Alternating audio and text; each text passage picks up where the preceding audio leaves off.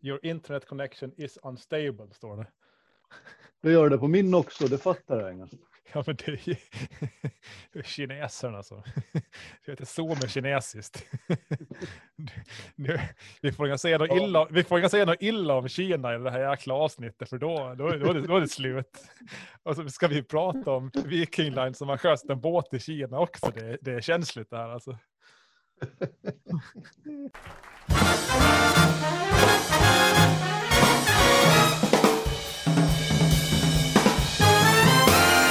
Hej och välkomna till Ålands Handelpodd nummer 15. Idag är det inte Fredrik Rosenqvist som leder programmet, för det gör jag och jag heter Jörgen Pettersson. Men Fredrik Rosenqvist är med och han sitter eh, i sitt kontor en bit ifrån mitt. Så just den här gången så har vi valt att eh, sitta på varsitt håll och hoppas att eh, allting fungerar som det ska ändå. Hur är det med dig Fredrik? Du har haft eh, svaga förkylningssymptom. Ja, jag har haft en riktig bondförkylning. Det, det är inte corona, men i dessa tider så, så, ska man väl ja, hålla för sig själv när man, eh, när man är liksom, ja, förkyld. Så därför poddar vi på distans idag. Då. Och en finströmmare med förkylning, det är ingen lek. Nej, nej, det, det, det är allvarligt kan jag säga.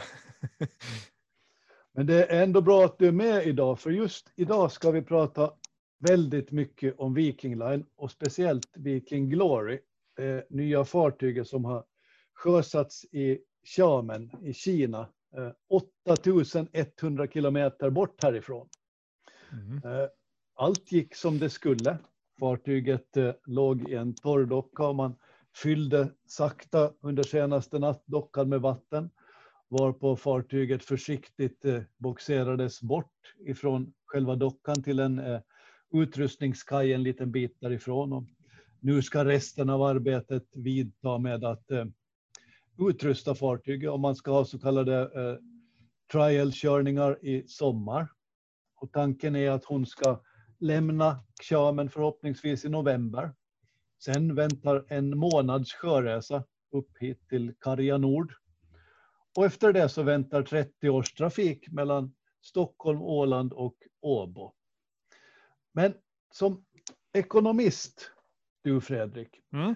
hur, hur, kommer det sig egentligen att man bygger ett fartyg i Xiamen i Kina? Finns det inga närmare håll man kan bygga fartyg?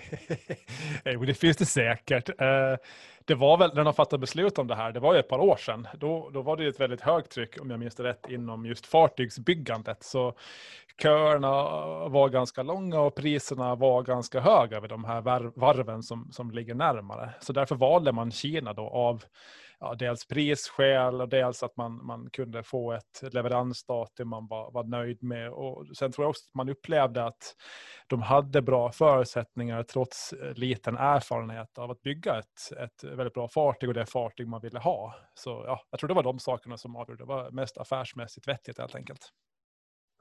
Jag kan också säga att det var en slags följd i färg för hur Viking Line har agerat när färjetrafiken inleddes i tidernas gryning så byggde man rätt många fartyg i dåvarande Tyskland, på Apenburg. Eh, sen valde man att börja bygga fartyg i Jugoslavien som var de allra det var en helt ny skeppsbyggnadsindustri på den tiden, åtminstone när det gällde passagerarfartyg. Jag minns själv, jag var med på sjösättningen av Amorella eh, i Split och, och, det känns på något sätt som att cirklarna sluter sig, för idag har jag suttit och tittat på sjösättningen från Xiamen. När Amorella sjösatte så gjorde hon det på, på gammalt sätt. Hon, hon eh, rullades ner från en slip ner i vattnet och det var väldigt högtidligt alltihopa. Det var en stor händelse. Vikingland hade skeppat ner, hade flugit ner ett stort antal gäster som skulle övervaka det hela. Och då gjorde man en rätt stor poäng av att varvet där förvärvade stor kunskap i att bygga passagerarfartyg och det resulterade senare i väldigt många andra nya fartyg. Och det är väl det som jag tror att det kinesiska varvet just nu i Xiamen också hoppas på att ska hända. För man har lärt sig någonting som man inte riktigt kunde förut. Man kunde bygga alla möjliga fartyg men inte passagerarfartyg som, som eh, eh Viking Glory nu ska bli. Mm. Sen, det förra fartyget Viking Grace det byggdes ju i Finland och det, och det var ju jäkligt coolt tyckte alla och det gav ju en push i marknadsföringen men det var ju ett helt egentligen annat läge när det fartyget beställdes. Då var ju den finska ekonomin ja, ganska sargad efter finanskrisen och sådär och de varven ropade efter beställningar så ja, det var ett annat läge när man beställde det här eh, Glory då helt enkelt. Många många resonerade nog så att när Viking Grace byggdes så, så räddade det det som idag är Meyerwerft i, i Åbo och hör till världens absolut främsta eh, nybyggnadsvarv. De bygger alla de riktigt stora kryssningsfartygen, eller väldigt många av dem i alla fall. Så Viking Line och finska staterna har på många sätt gått hand i hand och sen ska man komma ihåg att Viking Glory som även om det byggs i Kina så är det utrustat med i stort sett bara nordiska underleverantörer. Motorerna kommer från Wärtsilä, eh, framdriften kommer från ABB och utgörs av Assipods, vilket är ytterligare en rätt cool grej. De har två stycken Assipods-system eh, under fartyget som, som roterar och kan svänga fartyget på ett mycket smidigare sätt än med hjälp av vanliga bogpropellrar och, och, och rodar. Det här så gör att hela fartyget kommer till trafikera nästan helt vibrationsfritt. Det går snabbare att köra in och ut till kaj. Eh, bränsleekonomin ska vara bättre. Och allt det där behövs för Glory är både längre och bredare än Grace och kan ta mera last och fler passagerare men ska trots det dra 10% mindre energi och det är en rätt cool grej faktiskt. Mm. Man fokuserar ju ofta på, på framdriften, alltså vad det är för bränsleform och sådär. Man kan ju vara så här, ah, lite besviken att det inte kommer, när kommer det el, när kommer det vätgas? Men det finns ju väldigt många häftiga innovationer alltså, som är lite mindre bakom där. Hur man, hur man gör fartyget bränslesnålt och energieffektivt och, och skapar en bra upplevelse ombord. Och olika typer av propeller och allt möjligt som är riktigt häftiga när man börjar läsa på om dem faktiskt. Det finns ett bolag i Stockholm som åtminstone här om året gick väldigt starkt på börsen. Det heter Climeon som eh, levererar helt nya innovationer till Viking Glory. Det handlar om, om hur man ska göra elektricitet av spillvärme. Det handlar om att man ska ta tillvara kylan från, från LNG-bränsle. Det är då minus hundratals grader när det lastas ombord. Och nu ska man använda den kylan för att för kylrum och, för matförvaring och för skafferier och saker ombord. Så man, och det är någonting som inget fartyg tidigare har gjort. Så där finns väldigt många nyheter som, som nog en hel bransch faktiskt är sugna på att se hur det fungerar i praktiken. Här kan man också minnas att Grace, när hon levererades så, så vann drösvis med priser i olika miljötävlingar. Mm. Men om man tar Viking Line som sådan, det är ju ett företag som har funnits hela ditt liv och hela mitt liv.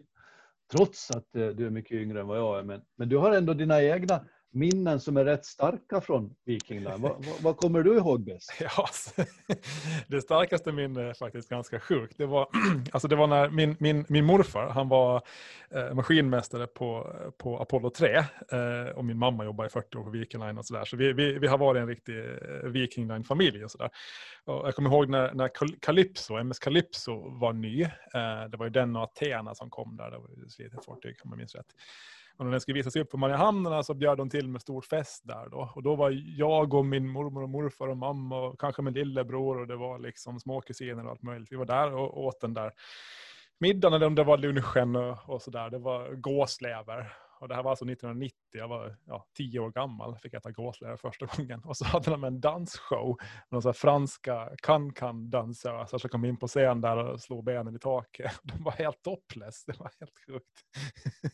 Man var sådär som tioåring och åt gåslever och så kvinnor springer runt på en scen utan någonting på överdelen. Det, det skulle inte kunna gå till så idag. Man får ju säga att har klarat det ganska bra trots den starten. Ja, jag minns det så väl. Det, där. Alltså det, var, ja, det, var helt, det var helt sjukt, men roligt för en tioåring typ. Och sen minns du också Apollo 3 som knappt jag minns. Ja, för min morfar var ju, var ju chef där då.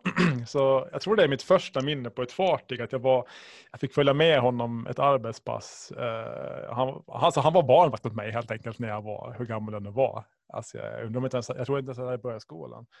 Eh, så jag fick följa med honom där då i hans jobb och se vad han gjorde. Och sen fick jag gå ner i maskinrummet och starta Apollo 3s motorer när vi låg, det måste vara när vi låg i kaj i Mariehamn tror jag.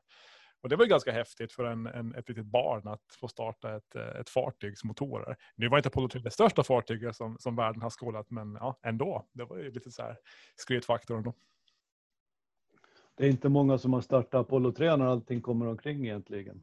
Nej, och sen eh, min pappa jobbar också på, jag tror han var första styrman på, det måste vara någon av Helsingforsbåten eller Åbobåten, jag minns inte. Det finns i alla fall bilder på mig när jag står på bryggan då i hans, eh, den här mössan. Eh, och spejar ut där över, ja, vad är nog spejar ut över radarn eller någonting så här. Ser ut som en liten lillkapten där. Så att, ja, jag har ganska många barndomsminnen från de röda båtarna faktiskt.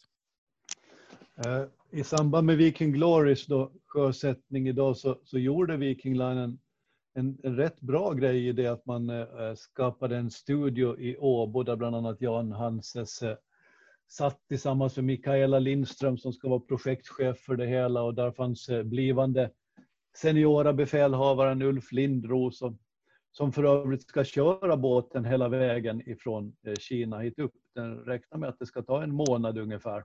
Mm. Och då måste de bunkra på vägen och det är ett stort äventyr. De ska säkert via piratvatten någonstans och allt möjligt. Så mm. Det är ett äventyr ja. i sig att vara med om. Ja. Jag såg ju hela evenemanget nästan. Jag tror jag missade de första minuterna när de visade hur själva sjösättningen gick till. Så den såg jag inte. Flöt den? Ja, allt flöt och de ja, boxerade ut den och det såg väldigt fint ut. Man kan se på, på filmer faktiskt på Ålands Sjöfarts hemsida, sjofart.ax där finns både själva sjösättningen, hur den gick till och där finns också en, en rundtur på fartyget där man kan se både delar av exteriören och delar av inredningen. Och, och jag har ju ändå sett ett stort antal fartyg i mina dagar. Jag måste säga att det här ser väldigt lovande ut. Ja, jag kom in i, i sändningen och de visade den här virtuella rundturen där, så den, den, den såg jag. De har lagt stor vikt vid massor av fönster. Man ska bokstavligen kunna sitta i skärgården och äta sin mat och, och trivas tillsammans. Så jag tror att det där kan vara ganska bra. Så vitt. Och här får vi ju inte glömma en sak. Vi har ju trots allt en pandemi att hantera. Mm. Vad, vad tror du att ger Vikingland utstrålar optimism inför framtiden? Har de eh, rätt i det? Ja, jag blev lite funderad på det. Nu, nu var det så att jag, jag såg det där med ett öga, men jag, jag kunde inte se att de egentligen pratade om, om pandemin speciellt mycket alls. De fick mycket frågor om ja, men, hållbarheten när de ska börja och sådär, men de, de pratade väl inte så mycket om hur och om de har anpassat fartyg eller igångsättningen med tanke på att vi kanske inte har hämtat oss 2022 när man ska börja trafikera, utan att världen ser annorlunda ut på grund av pandemin. Så om man följer med de andra rederierna, alltså kryssningsrederier stora, vad de tänker och vad som man tror kommer att hända i framtiden så finns det väl en farhåga att kommer rederierna få krav på sig att de inte får ha bufféer. Eh, de måste begränsa antalet personer ombord eh, jättemycket. Eh, kommer passagerarna och resenärerna att kräva att få vistas mer i en, i en, i en utomhusmiljö, det vill säga ha hytter med balkonger och, och, att det finns större däck, vilket är ett problem i vårt klimat att visa utomhus det här året. Men jag, jag kanske saknar en sån diskussion lite grann i den här presentationen i alla fall. Så, ja, man är lite så här nervös för hur det ska se ut eh, uh, 2022 och framåt. Sen är det kanske så att vi, vi alla lite till, till mans och till kvinns börjar få nog av problemformuleringar. För vi har nu levt i den här epidemin, pandemin i snart ett år och, och, och alla förutsägelser egentligen så här långt så har visat sig komma på skam. Mm. Man vet alltså inte. Och det Nej. som vi trodde var sant för en månad sedan så är inte längre det idag. Nej. Allt för hopp sätts ju till, till vaccinet. Och hur är läget ja. där, du som ja. följer med? Ja. Nej, den senaste veckan har väl varit ganska svart, får man väl säga.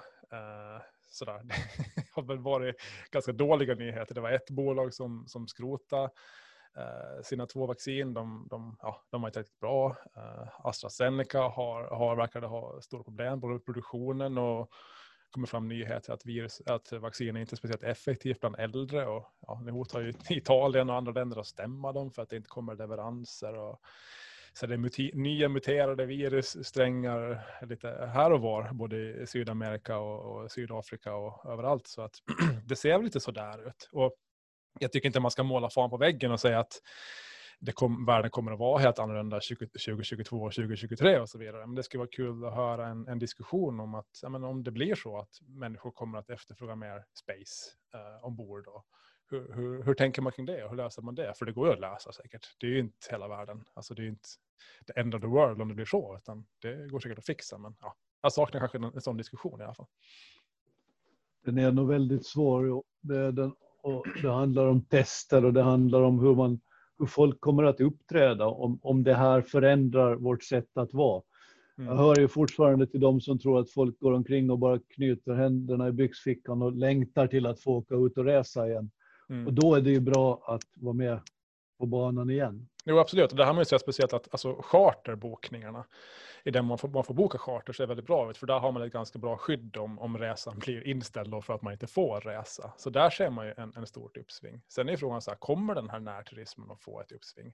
Eller kommer vi att vilja åka till ställen där man kan vara ute även på vintern? Och så där, så att, men det är, så här, alltså det är helt omöjligt att spekulera hur det kommer att se ut om ett år. Menar, det, det har väl 2020 lärt oss att det, är liksom, ja, det går inte att säga.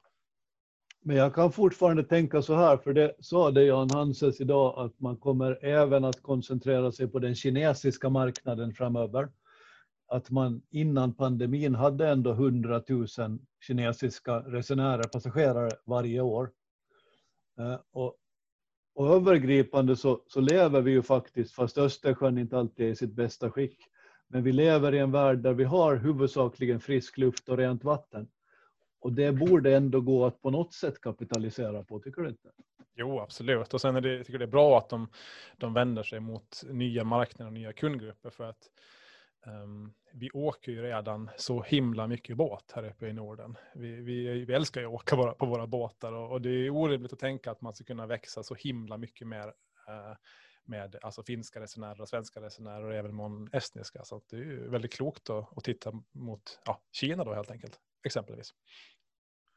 Vad säger du om namnet på Viking Glory? Det var 55 000 människor som engagerade sig i den tävlingen. Ja, jag, jag gillar ju Viking Greta som någon föreslår där ett tag. Nej, men Greta. det är väl bra. Viking Greta, Greta Thunberg, du vet. Ah, just det. Just det. Ja, man tänker bara på finnarna. Viking Glory blir det men, nej, men den, den är väl bra. Grace och Glory. Gra Grace and Glory. Grace de passar bra ihop. Det får man ge Hanses. Han tyckte att de blir ett bra radarpar. Grace ja, and Glory. Jag tyckte de, de såg väl ganska lika ut invärtes också. Det, det var det som jag gillade med Grace. Att den, den, den var verkligen så att de, de utnyttjar eh, alltså den skärgården, skärgården de åker runt i mycket bättre. De hade mycket större fönster och att man, det kändes som att man var på sjön och man såg ut väldigt bra jämfört med de här lite äldre fartygen där man ja, men ibland glömmer bort att man är på vattnet för man ser aldrig sjön nästan. Så det, det är jättepositivt om de, om de har det samma sätt i, i Glory och ännu bättre, att man verkligen ser den här otroliga skärgården som de båtarna färdas igenom. Att man glömmer bort den när man åker. Jag tycker att man ser en, en trend här, en vision på något sätt. För, för den här färgtrafiken nu då som Viking Line egentligen startade 1959. Den, den var ju då ett resultat av bättre semesterregler, man fick semester. Folk hade lön och pengar att röra sig med. Eh, bilarna blev var mans egendom. Eh, man hade en massa vänner och kompisar i, i, i, olika länder som man ville resa och hälsa på. Men ända fram till egentligen nu så har fokus legat på att man ska transportera folk i, i, i, i snygga fartyg och, och väl inredda fartyg. Men det är egentligen nu som man börjar byta, byta fokus och, och, och betrakta skärgården och den omkringliggande omgivningen som, som kanske som minst lika viktig som insidan. Det tycker jag är en ganska intressant iakttagelse. Mm. Och sen också mycket tidigare så är verksamheten byggd på det här, alltså taxfree, att folk ska köpa väldigt mycket cigaretter och, och öl och, och, alkohol. Och det finns väl inga, kanske någon trend som tyder på att vi kommer att bli eh, alltså storrökare igen. Eh, tvärtom så röker vi mindre och mindre och samma sak är det väl lite så här med, med spriten, att man, ja, det, det, är väl också lite på nedgående i och med att folk blir mer alltså, hälsomedvetna och allt det där. Så jag, jag tror det är bra att man, man satsar mer på, på upplevelsen ombord. Eh, Ja, som du säger helt enkelt. Jag tror det är klokt. Det där är också intressant för, för i alla presentationer så nämns överhuvudtaget inte eh, taxfree-butikerna. Nej. Det är och något det, som bara finns. Man pratar om upplevelser och restauranger men man pratar inte om, om butiken. nej. Och det är väl positivt tycker jag. Jag jag menar, Jan Hanses, det första ordet han, han sa, det första ordet som kom ur han- hans mun nästan när han började prata var dessutom hållbarhet. Vilket jag som en miljömedveten människa som jag anser mig själv vara tycker är jättekul. Att man, man, man ser det som den viktigaste trenden som har format hur man har, har skapat uh, Viking Glory. Så han nämnde väl, ja det var väl hållbarhet och så var det skärgård och så var det den tredje sak som jag, jag har glömt bort vad var. Men ja, men det var, de tänker klokt. Ja, det känns som att det är visionärt och det handlar ju ändå om investeringar på, på, på 30-40 år nämnde han där och det leder vi oss in på, på, på ekonomin i det hela. Eh, rederinäring är ekonomi och det är långsiktig ekonomi där man nog hanterar trender på ett annat sätt än kanske alla andra branscher egentligen. Mm. Kvartalsrapporter som, som rederier ägnar sig åt, jag har alltid tyckt att de är väldigt meningslösa. Ja. Nej, speciellt i Viking Lines fall, det är ju, så här, det är bara ett kvartal som spelar roll där och så där, men det är ju... Jag satt och roade mig här lite grann tidigare idag och kolla på ett mått på, eller det, bästa måttet på hur det går på ett företag, det är ju ändå på något sätt vad, vad marknaden värderar det här företaget till.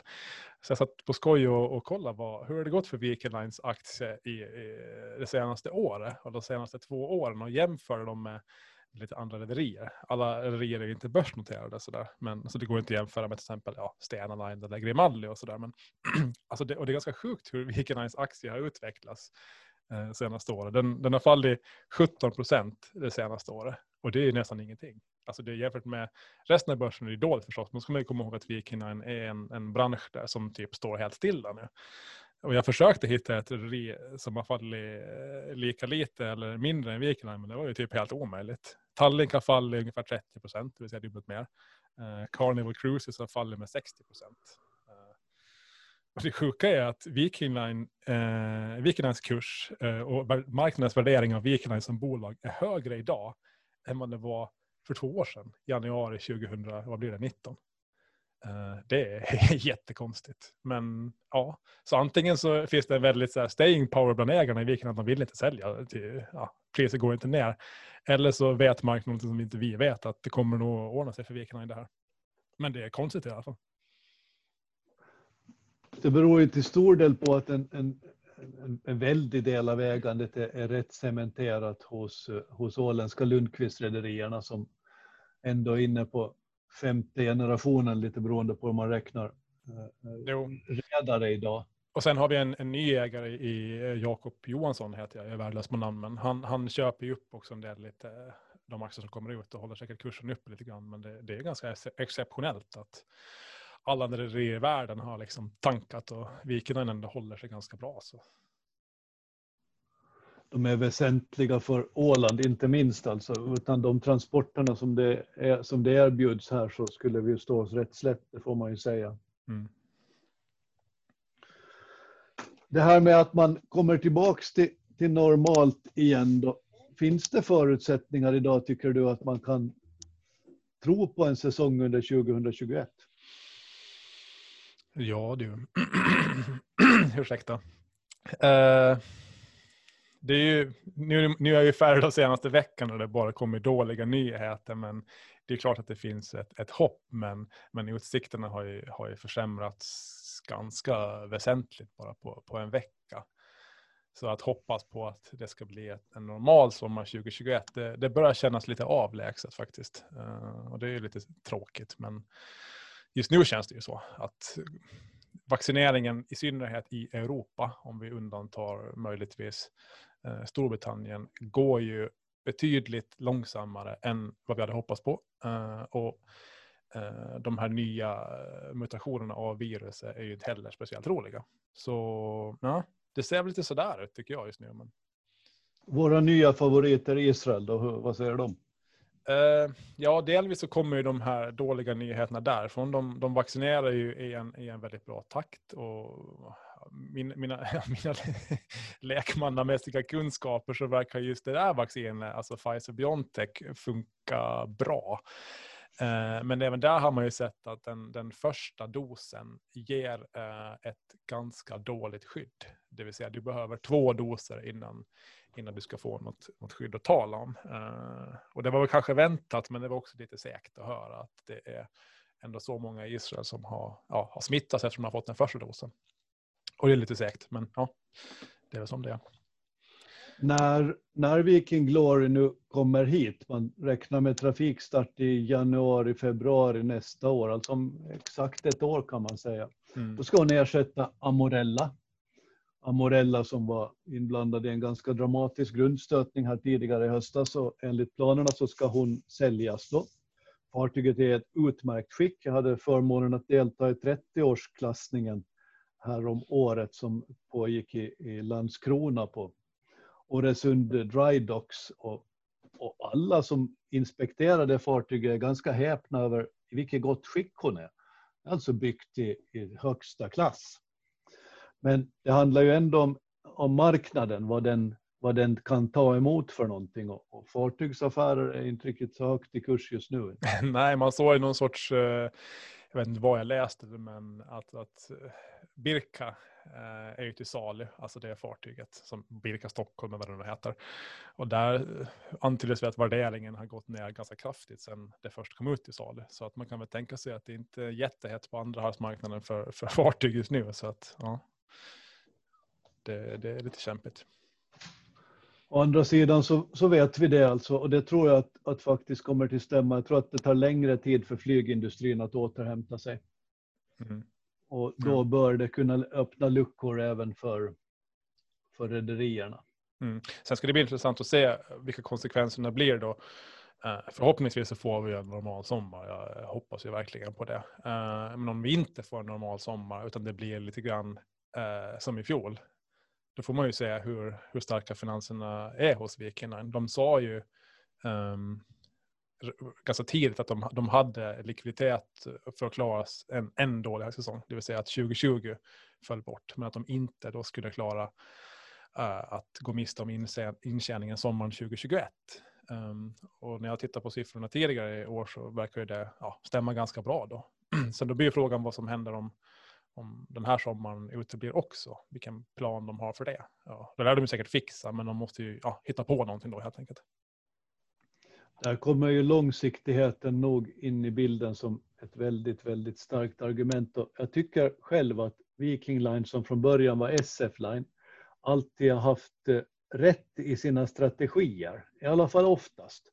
Man har klarat av Estonia-katastrofen, man har klarat av olika former av kriser som har, har löpt igenom Sverige och Finland och deras huvudsakliga områden. Man har tjänat bra med pengar på Tallinn-trafiken genom åren man har gjort rätt mycket bra. Mera plus än minus måste man i varje fall säga. Eh, man har gjort strategiska missar som när man till exempel lät Finnlines komma in på Kapellskär och Nådendal och därför har man nu Grimaldi inne i boet som utmanar på, på precis alla fronter som finns. Men, men grundtanken i SF Line då som man brukar härleda tillbaks till 1959 så så var ju att man gick tillsammans med Slite som var ett privatägt rederi från Gotland och med eh, Sally som var ett privatägt rederi från Mariehamn och bildade Vikinglinjen som senare har blivit Viking Line och så har Sally försvunnit och så har Slite försvunnit. För de hade inte samma omsorg om sin balansräkning riktigt. Viking Line hade alltid varit en röd tråd i allt vad de har gjort. Balansräkningen i skick, Sen kan man göra saker. Och det där är ju någonting som i affärsvärlden kan vara både bra och dåligt. Man kanske går miste om kortsiktiga vinster när man är, är alldeles för försiktig. Men man kanske tjänar långsiktigt. Och frågan handlar ju, kokar egentligen ner till, ska man vara långsiktig eller kortsiktig? Och, och där kommer du in för, för du har ju ett investerarperspektiv på det. Du, är både daytrader och långtidssparare. Vad är skillnaden egentligen? ja, den där daytrader-verksamheten den är, ganska, den är, den är ganska liten. Men Den har hänt, jag har hört dig berätta om det. Jo, den, den har hänt ju. Ja. Nej, men den, jag tycker väl också, jag, jag viktar ju väldigt mycket mot det här långsiktiga och jag, och jag gillar den delen av, av vikingstrategi. Att, att eh, syftet är att vara, att liksom maximera resultatet och, och, att det går bra på, på lång sikt. Och där involverar det ju att inte gå i putten på vägen så att säga. Eh, och då får man vara med om att det, det, svänger väldigt mycket upp och ner och, och, man får vara med om att man, man framstår som feg när det går bra för alla andra och det ser ut som att alla andra håller på att springa ifrån en men sen när det går på, går på tok så då står man oftast där själv. Så att jag tycker det är en, det är en, det är en bra strategi. När, när det är sagt, mycket av det som man, man liksom diskuterar om vad vikingarna har eventuellt gjort fel om historien så handlar det om saker som de inte har gjort. Varför köpte ni inte Silja? Eller varför gjorde ni inte det här? Varför gjorde ni inte det här? Att man, man borde ha satsat mer, man borde ha varit modigare. Men det kan ju vara en strategi att vara lite försiktig och därmed också överleva på, på väldigt lång sikt. Så att det är nog en, en, en ganska modig strategi egentligen att, att våga vara så här, lite feg när alla andra anklagar en för det. Liksom någon kokade någon gång ner det. Jag kommer faktiskt inte riktigt ihåg vem det var, men det var någon från SF Line-sfären, nuvarande Viking Line, som, som med stort allvar i rösten sa att det är en konst att sitta stilla i båten också. Mm. Ja, absolut. Sen har de ju för att man varit med så många gånger den har svängt fram och tillbaka. Det är 90-talskrisen och det är Estonia och det är det ena med det fjärde. Så att, ja, de har ju varit med för. Genom åren så har nu ett 50-tal fartyg kan man säga passerar genom Vikinglands rullor. Det måste finnas ett imponerande arkiv någonstans i det bolaget. Eh, man har förändrat fartygens storlek och servicekoncept och tjänsteutbud och allt har utvecklats ganska dramatiskt får man säga. Från början var det väldigt påvärt alltihop ombord. Idag så, så gör, man, gör man den eleganta blandningen att ha både yrkeschaufförer och party people i samma, på samma båt. Och det funkar. Det, det är nog rätt unikt egentligen. Mm. Vilken båt är din favorit? Om, du, om det har varit 50 stycken, du måste ju ha någon som där var roligast, eller?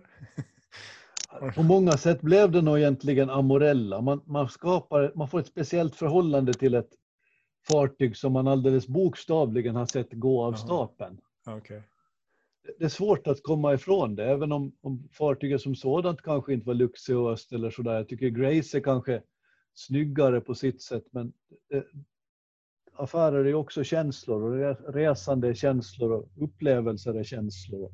Ja, och Morella, då, det jag får kalla kårar av den. Alltså, för det är den båten man tar när man inte hinner med Rosella. Eh, från Stockholm om man har sett på fotboll eller, eller sett på en opera eller vad som helst. Då måste man åka Morella, då kommer man fram mitt i natten till Långnäs och sådär. Så att det är säkert ett jättefint fartyg med rutter i sig. Så. uh. När man ska minnas med, med Viking Line att de, när de byggde upp sin balansräkning så de, de tjänade ju oerhörda pengar på, på 70, 80, 90-talet. Och då var aktien den var, det var den mest guldkantade som fanns innan man sen splittade den. För, för den var ohanterlig, ingen människa hade råd att köpa den så det blev aldrig någon, det blev aldrig någon riktig sån här snurrig eh, på marknaden. Sen gjorde man en split och man börsintroducerades och så vidare. Och, och då är frågan, vad, vad är det för nytta med eh, att vara på börsen? Vad, vad tjänar Viking Line på det tror du?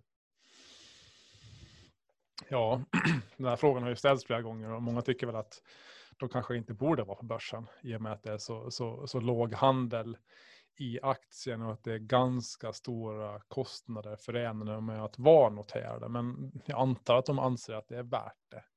Och dels handlar det lite grann om att att sy, få en annan, annan synlighet. Och det är bra om man är ett företag som, som Viking de behöver ju synlighet. Um, sen kan det vara ett sätt om man vill gå till marknaden och skaffa kapital, men ah, alltså egentligen så vore det kanske mer naturligt om de inte var noterade. Och det, det tycker väl ganska många ändå att ja, de borde vara utanför börsen. Då får man ju bort den här lite grann eh, kvartalshetsen och det blir mer naturligt långsiktigt, vilket är Eh, det här bolagets adelsmärke. Så jag skulle tycka att det var mer naturligt om de ja, var privatägt helt enkelt. Men ja, det är som det uh, Konkurrenten och kollegan Rederi AB Eckerö, de var inne på en del av börsen förut, inte på huvudbörsen, men, men de valde att, att lämna därifrån. De tyckte att det var bättre till var utanför de här officiella kanalerna.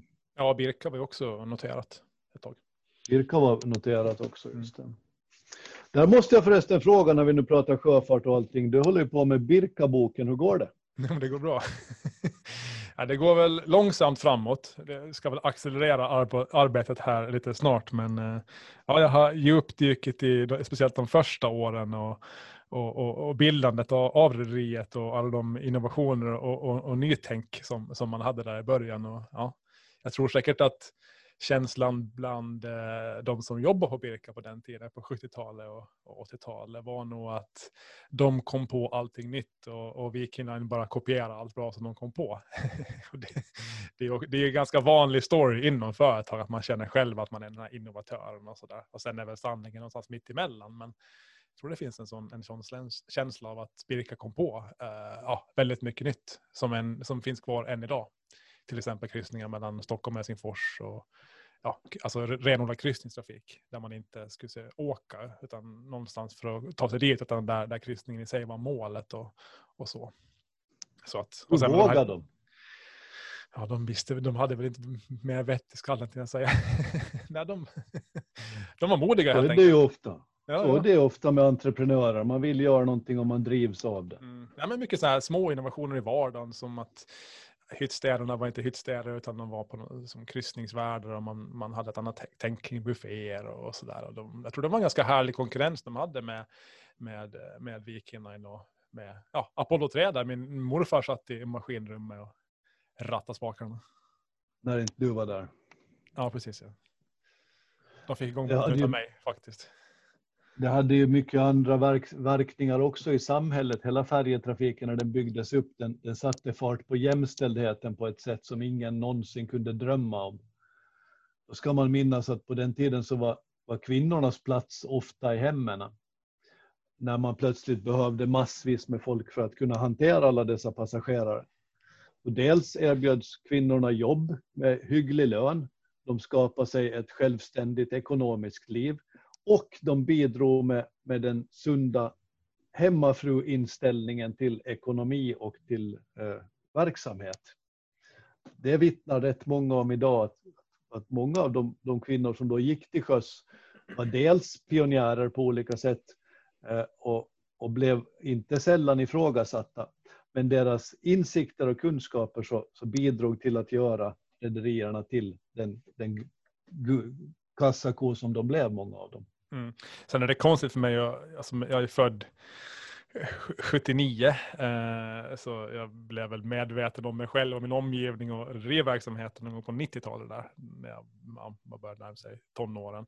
Så jag sitter och läser nu om, om, om hur det var på, på 70 80-talet och den fantastiska boom som var då. Alltså hur mycket det, det växte, de, den här färjetrafiken och de åländska rederierna. Att de, de byggde större och större fartyg och fler och fler och ju fler fartyg de byggde desto mer reste folk. Och det, liksom, det fanns ju ingen hejd på optimismen och, och, och hur bra det gick. Medan jag då som är ja, uppvuxen under 90-talet så kommer ju mest ihåg att det var ja, men Slites konkurs och, och den här liksom, ja, tuffare tiderna som har varit eh, 90 och 00 och 10 och för att inte tala om början på 20-talet. Då, så här. Men, ja, det är kul att läsa om, om hur det var där lite före min tid. Så att säga.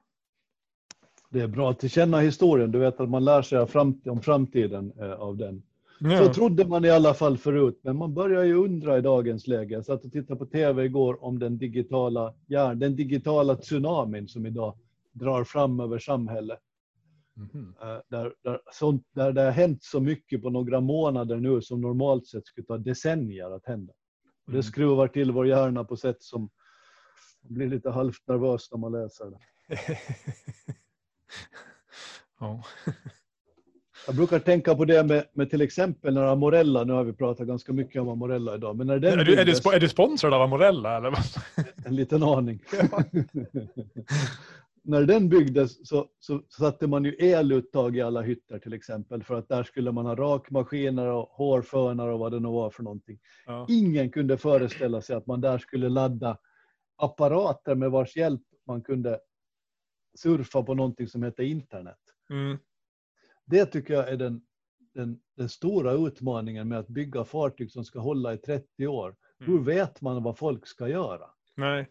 Nej, det är ju liksom, jag tror jag nämnde det förut åt dig någon gång, att det var inte så att när man satt och ritade båtar på 70-talet så tänkte man så här, okej, okay, vi, vi måste se till att det är byggt så att det är bra wifi-täckning här nu. Vi har, vi har liksom modemer på däck 2, på däck 7 så ska det vara bra täckning. Det, liksom, wifi låg 40 år fram i tiden och det var så här, ja. Och nu är det så här, vilken glory, okej okay, det ska funka om 30 år. Uh, vad, vad måste man ta hänsyn till då? Det är en helt omöjlig uppgift. Alltså. Allt är elektronik och allt är konstigt och tur är det för annars så vore det väldigt tråkigt alltihopa. Vi närmar oss slutet på denna specialsändning. Om, Men du, skulle du inte fråga mig vilken, vilken, du måste fråga vilken min favoritbåt är på Viking Line. Jag frågar aldrig det. Nej. Fredrik, vilken är din favoritbåt inom Viking Line? Ja, men Ålandsfärjan förstås, som alla ålänningar. Kommer du ihåg den? Men jag jobbade till och med där ett tag.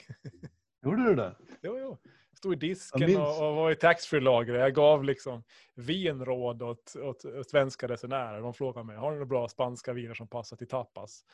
Jo, jo, och så pekar man ut någonting. Finnig, 18-åring som aldrig har druckit vin i sitt liv typ. Ålandsfärjan så hade jag en bra story på, men, men det är nog med reservation att att vissa detaljer möjligen inte riktigt längre stämmer. Men när man köpte den båten, då var Gunnar Eklund VD. Mm. Är jag rätt säker på. Och, och då jobbade jag på Ålandstidningen som reporter och, och avslöja något kring det där. Jag minns inte riktigt vad det var, om det var att man skulle köpa den, att den skulle få svensk flagg eller något var det. Men, men då minns jag att jag gjorde en intervju med Gunnar Eklund som hörde till de kortaste jag gjort i hela mitt liv. Mm. Hej, det här är Jörgen Pettersson från Ålandstidningen. Jag undrar om eh, ni eh, står i beråd att köpa en båt nu och ska eh, registrera den i Norrtälje. Inga kommentarer, hej då, sa han. Han var annars väldigt vänlig, men just den dagen så var det någonting. Ja, ja. Jag vet att jag själv skrev när Viking beställde Grace. Och det första steget var att de ju bad Mariehamns hamn förbereda Eh, för, för ett nytt fartyg. Och det här var då innan de hade beställt ett nytt fartyg. Och då eh, drog väl jag på med en rubrik i Ålandstidningen då att nu är det klart, Viking har beställt ett nytt fartyg. Och så gick det några timmar eh, efter att nyheten kom, hade kommit ut på webben tror jag, så, så ringde eh, Mikael Backman mig när jag stod i, i gymmet och låg där och gjorde bänkpress och han var inte så nöjd. Fick man se en utskällning. Han tyckte inte alls det var klart att de beställt ett nytt fartyg. Men ja, det tog ju bara några veckor sen kom ju nyheten att det skulle komma ett nytt fartyg nu sen. Detaljer sådana måste man bortse ifrån ibland. Jo, jo. Mikael Backman var ju superhäftig. Så vi hade en bra relation annars, men då, då var han lite missnöjd. Ja. Det här, idag har jag faktiskt tre hyllningar och nu får man göra det i och med att jag just för idag råkar vara värd. Men, men kanske jag börjar med en lite försiktig. Ja, okay. Kan du ta din och så avslutar jag med två till. Ja. För, för en som jag tycker att det är viktigt att hylla denna vecka så är Godby Shipping som igen har gått in för att köpa ett nytt fartyg och faktiskt tror på framtiden. De har köpt ett roro-fartyg som heter Baltic Bright från Sverige. Som i och för sig är 25 år gammalt, men i skick som nytt på många sätt. Det ägs av två bröder i Skärhamn. Din tur. Okej, okay, uh, jag fick fundera ett tag på det här, men jag tänker hylla IFK Mariehamn som hade den goda, oh, äntligen. som, som hade den goda smaken att sälja en spelare till, till världens eh, mest framgångsrika idrottsförening, det vill säga Djurgårdens IF. Eh, de, de sålde en av sina, sina spelare där och de stod höll upp en, en fin Djurgårdströja till exempel, på, eller till och med på de här pressbilderna som, som skickades ut. Uh, vet du vems tröja det var? Messi kan det väl inte ha varit? Nej, men det var ju min tröja. Jag hade lånat ut. Det var din tröja som var med på bild. tröja till IFK så att de skulle ha någonting att hålla upp och sådär. Det var ja, men otroligt glada och jag vet att alla i, i Djurgården är otroligt glada över de här fina relationerna. Ehm, ja, klubben har med, med, med Åland och IFK Mariehamn och med ålänningarna. Som, ja, det är en populär förening här också. Så det är kul att Åland och, och Mariehamn får väldigt bra uppmärksamhet i, i eh, Stockholms finaste klubb. Uh, ja. Det finns ju de som har invändningar mot det, men Djurgården så är faktiskt en... Det finns rätt många länkar mellan Djurgården och IFK och, och han klubbdirektören i Djurgården, Bosse Andersson, va? Mm, ja. han, är, han är kompis med, med IFKs klubbdirektör Peter Mattsson och, och de är båda så drivna spelarköpare eh, och säljare att Jag undrar faktiskt om någon någonsin kommer att kunna reda ut vem som har lurat vem den här gången. Ja, nej, de...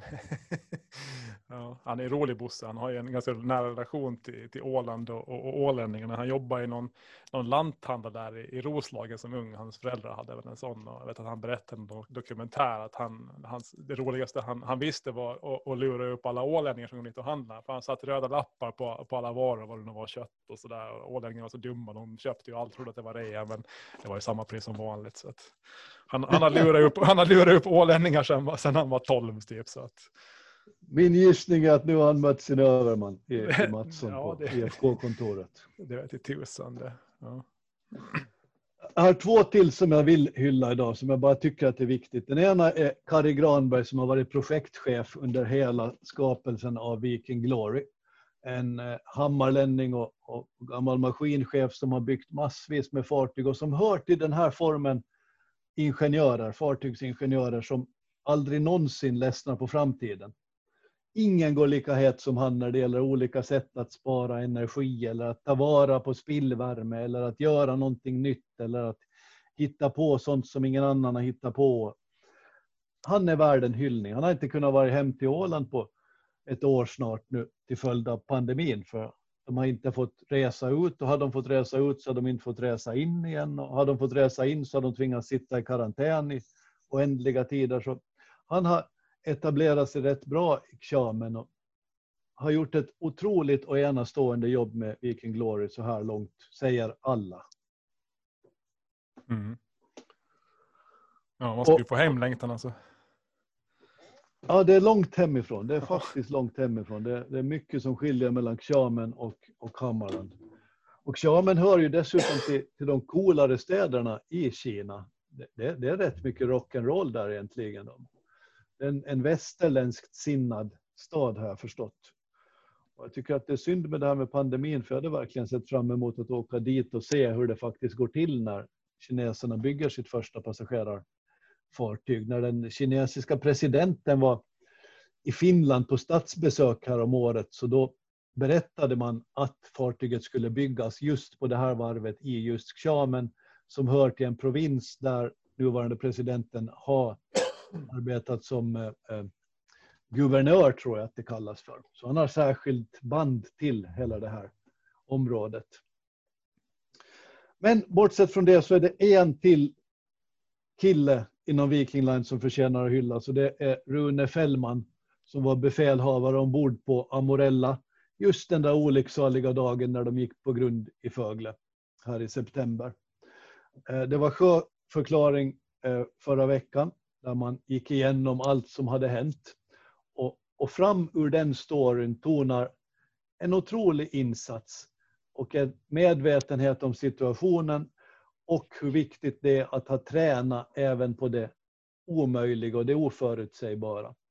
För när de var inne i de mest trånga av dessa farleder så började plöts- plötsligt ena propellern till följd av bladvinklingarna att rotera fel väg. Vilket gjorde att man förlorade manöverförmågan. Och man törnade först i en sten på styrbordssida farleden och därefter om man inte hade gjort något så hade man törnat i en sten på babordssida farleden. Då lade man sig istället stilla en stund, tänkte efter, såg att skadorna var värre än man först trodde eller hoppades och bestämde sig för att försiktigt köra in fartyget i en grund lervik. Och allt det lyckades man med till 100 procent när olyckan väl hade varit framme. Och ur det lär man sig att det kan alltid gå på skit med allting vad som än händer. Men sättet man reder upp det på är det som definierar framgång. Mm. Var bra hyllning. Är det här en, en, en fin sak att säga att Rune Fällman är en befälhavare från Finström, det kanske du inte kände till, Eh, nej, och som har sina bäringar på grej när det gäller fartyg. Ja.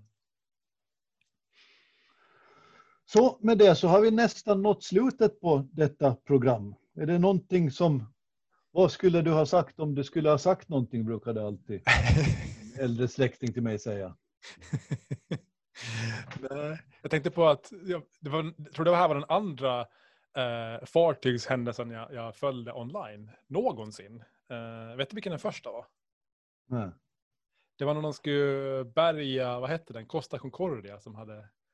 hade kört på, på grund.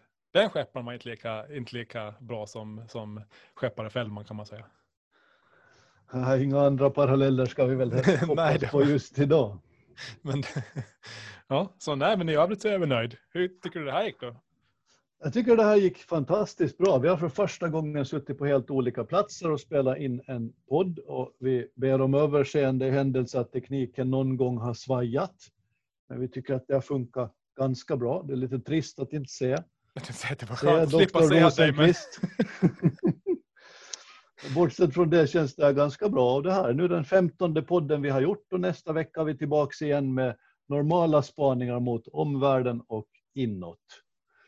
Så med de orden, tack för att ni har lyssnat. Ja, tack och hej.